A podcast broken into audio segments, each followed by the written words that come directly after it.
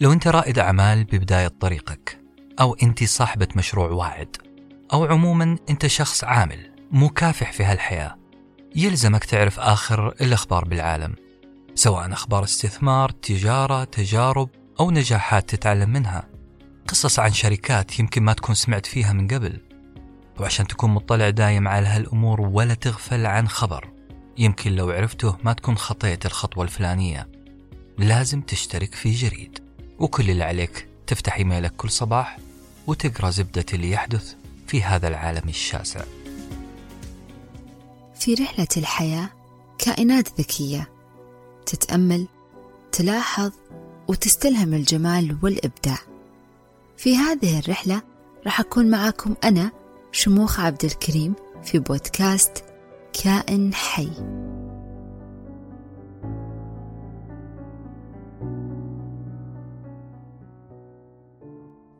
بكلمة من عرض السوالف ذكروني فيك.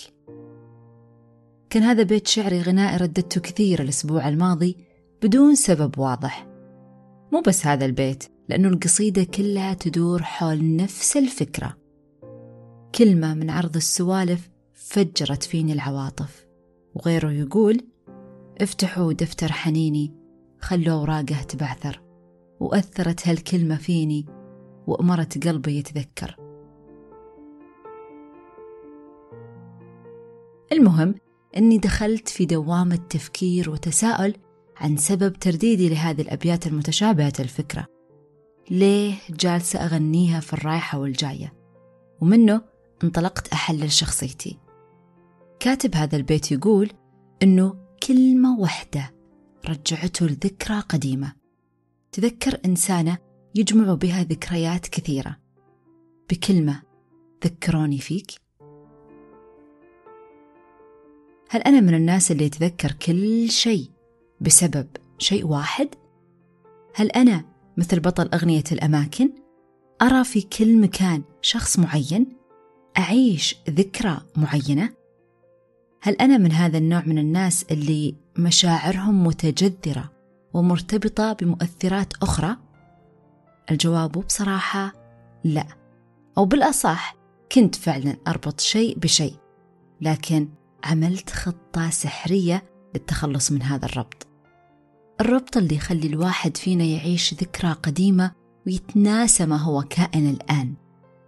الخلطة كانت بممارستي لرياضة التركيز وإعارة الانتباه وبشكل أكثر دقة الانتباه لشيء واحد في كل مهمة أو نشاط أسويه. أعتقد أني وكثير منكم ما نحب الدراما وأقصد بالدراما أني أعيش افتراضات وتحليلات ما أنزل الله بها من سلطان. أعيش سيناريوهات افتراضية حزينة غالبا وأنسى أني عايشة لحظة مختلفة. ولازم ما أنسى أقول لكم عن الفرق الرهيب في حياتي لما قدرت أفصل هذه التشبيكات الرهيبة من المشاعر واستطعت أني أعيش زماني ومكاني بدون ذكريات ماضية وسيناريوهات مستقبلية. ما تصدقون قديش هي الحياة أحلى وأنا حاضرة ذهنيا وكليا مع الزمان والمكان. كنت أقرأ عن رياضة التأمل بأنها تحاول توصلك لمرحلة تحس فيها أنه كل نفس تاخذه مختلف عن النفس اللي قبله وأنها تشجعنا ننتبه لهذه الأنفاس المختلفة الطول والعمق والحركة. نعم أنا ماني دراما كثير. أتحلطم أحيانا ولكن فرامل هذه الحلطمة جديدة وقوية. لا أحب أن تستثار مشاعري أوتوماتيكيا بأي مثيرات حولي. ما أرجع بصور قديمة بمجرد أنه شفت صورة واحدة. ما أستدعي أحداث لم تحصل بسبب خبر سمعته هنا أو هناك. ويبدو أنه تمارين التركيز عملت عمايلها وصرت فعلا حاضرة ذهنيا وكليا. عشان لا أتكلم في عموميات أعتقد أني طالما تكلمت عن التأمل فلازم أذكر كلمة mindfulness. مرة ثانية الكلمة هي mindfulness. اللي لو فككناها لأجزاء فراح تصير mind ومعناها تفكير أو عقل. كلمة full وهي لاحقة زائدة تضاف للكلمات وتعطي انطباع أو معنى الامتلاء أو التشبع. ونس هي لاحقة نهائية تضاف لآخر الكلمات وتحولها لمصطلح أو مفهوم وبكذا mindfulness يصير معناها حالة الحضور الكامل للذهن أو العقل حضور كامل للذهن؟ ما مليتوا من هذه الكلمة؟ أنا ممكن أحلف إنها صارت مملة جدا جدا بصراحة بدأت تصير بضاعة ممجوجة نعم ممجوجة لأنها ما عاد تقبلها بطوننا ما عاد نقدر نهضمها. لذلك هي تستاهل نقول عنها أنها شيء نمجه من فمنا على الأرض. أو زي ما يقول الإنجليز I can't stomach it. ما عاد أقدر أبلع أو أهضم هالكلام. وهنا خلوني ألحق وأقول لكم أننا لازم نفصل بين شيئين. الشيء الأول هو ابتذال المفردة. والشيء الثاني هو ابتذال الفكرة. أما الشيء الأول فأنا معاكم فيه تماما. نعم المفردة نفسها صارت مبتذلة. يعني تجدها على كل لسان وفي كل مكان. لكن وبالمنطق. ابتذال الكلمة ما يعني أنه مدلولها أو مضمونها مبتذل. كلمة تطوير قد تكون أعظم كلمة في الدنيا. وفي مدلولها عظيمة. مين يكره يتطور؟ مين ما يحب ينظر للوراء قليلا فيجد نفسه انطلق آلاف الكيلومترات. مين ما يحب يجد نفسه محلق في السماء والباقون على الأرض. لكن كلمة تطوير نفسها وبسبب ممارساتنا ويمكن بسبب كل ما هب ودب كتب تحت اسم التطوير أفقدها بريقها. كنت في كورس قبل سنوات أنا ومجموعة طلاب عرب. كلنا بنشتكي من ملل الكورس اللي ندرسه. لاحظ هذا الشيء مدرب الكورس. اختفى لدقيقتين ورجع لنا بجهاز ستيريو كاسيت قديم ومتهالك. أتذكر حتى خيوط العنكبوت وهي تغطي جزء من السماعات. المدرب اهتم بتنظيف الجهاز بأناقة وحط شريط بداخله وقال نبغى نعمل تمرين بسيط بس أبغاكم تطبقونه حرفيا. اتفقنا؟ وافقنا على مضى ضبرات طمنة غير مستقرة من الملل. شغل الشريط ومثل ما توقعت بدأ صوت الأمواج يصدر من هذا الجهاز أبو خيوط عنكبوتية وبدأت أوتار شرقية تضرب خلف الموج. كل ما فتحت طرف عيني غمز المدرب لي بطريقة حانية وكأنه يقول لا يا شموخ مو وقته تفتحي عيونك. طبعا سمعت كلامه. مجاملة يمكن أو لأني انحرجت. المهم أن المدرب بدأ يتحدث عن بحيرة خيالية. بحيرة راكدة تماما هادئة وكأنها في حالة سبات. السماء صافية إلا من نسائم تحاول تعكير صفو المكان. المهم أن المدرب بدأ يتحدث عن بحيرة خيالية.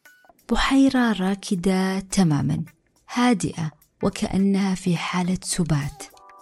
السماء صافية إلا من نسائم تحاول تعكير صفو المكان. وأول من تعكر صفوه هو سطح البحيرة. بدأت تتحرك موجة صغيرة على السطح. تحركت الموجة من منتصف البحيرة متجهة إلى طرفها. عينك تتابع الموجة وهي تتحرك برشاقة. بلا سبب.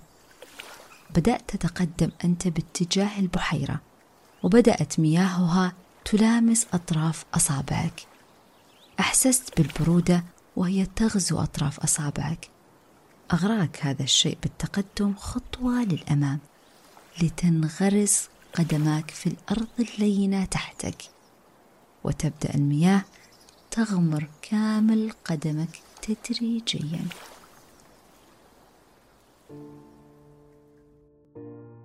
كان هذا كلام المدرب وكنا نطبق ما يقوله حرفيا.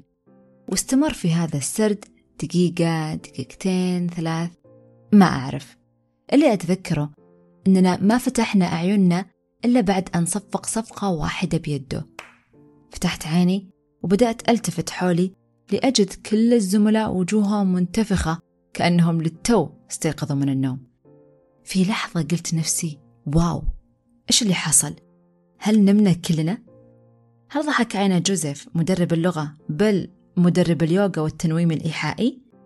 جوزيف ابتسم وبدأ يشرح لنا إنه اللي عمله كان جلسة استرخاء ممكن نعملها لأنفسنا من خلال جلسات حضور ذهني مو شرط نتخيل منظر البحيرة ونعيش جو غير حقيقي.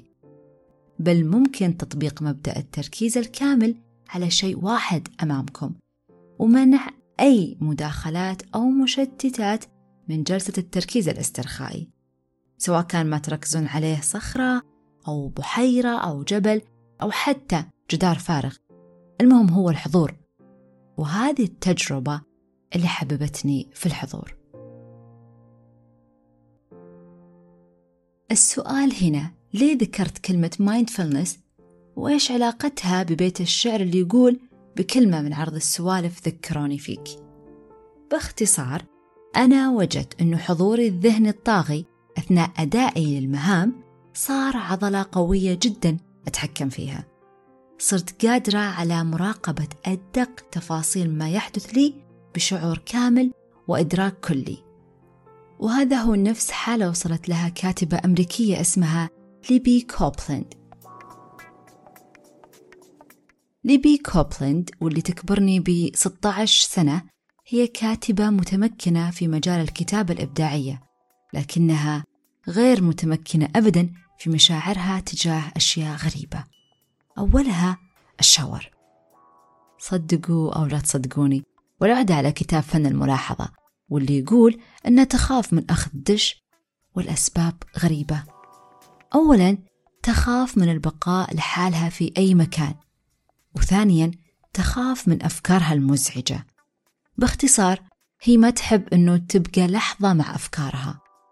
وهنا أتذكر واحدة من صديقاتي اللي مستحيل تاكل أو تشرب أو تنام أو تصحى أو حتى تبقى دقيقة واحدة لحالها. ولا تقولون لي إنها اجتماعية. فهي في أفضل حالاتها تجمعنا حولها وتتلفت فينا واحدة واحدة بدون كلام. هي فقط لا تستطيع تحمل أي فكرة تدور في عقلها وهذه كانت مشكلة ليبي كوبلند ليبي حلت مشكلتها بممارسة الحضور الذهني الكامل أثناء أخذ دشها الساخن أو البارد صراحة ما أعرف بالضبط عن روتينها. لكن فعلا هي بدأت مراقبة أدق تفاصيل عملية الاستحمام. بدءا من مراقبة قشعريرة جلدها عندما تضربها أول موجة ماء تراقب فقاعات الصابون وهي تنطلق هنا وهناك في مرح. تتأمل في شلال المياه المنطلق تجاهها. وبحسب كلامها هذا النوع من الحضور الذهني خلاني أشوف مجازات لا حصر لها. تقول ليبي في لقاء صحفي إنها وأنا هنا أقتبس كلماتها بدقة شديدة. الأفكار تحاول اقتحام حمامي لكني اقتنعت أنها مجرد أحاجي وألغاز لن أجد لها حل. وأعتقد أن الحل عند ليبي كان في الحضور الذهني الكامل بعكس ما يمكن أنكم تتصورون. الحضور الذهني ليس تنويما مغناطيسيا. فممارس اليوغا المتمكن مثلا وبسبب إحاطته الكاملة بما يحدث في التو واللحظة يستطيع التنبه أنه شخص خلفه يتسحب ويقترب منه. هذا هو الحضور اللي نتكلم عنه وعي كامل لكل ما يدور في المكان. وأول التمارين اللي حتساعدك تقوي هذه العضلة الذهنية هو تمرين التركيز في الأوقات الخاصة. في حفظ الله.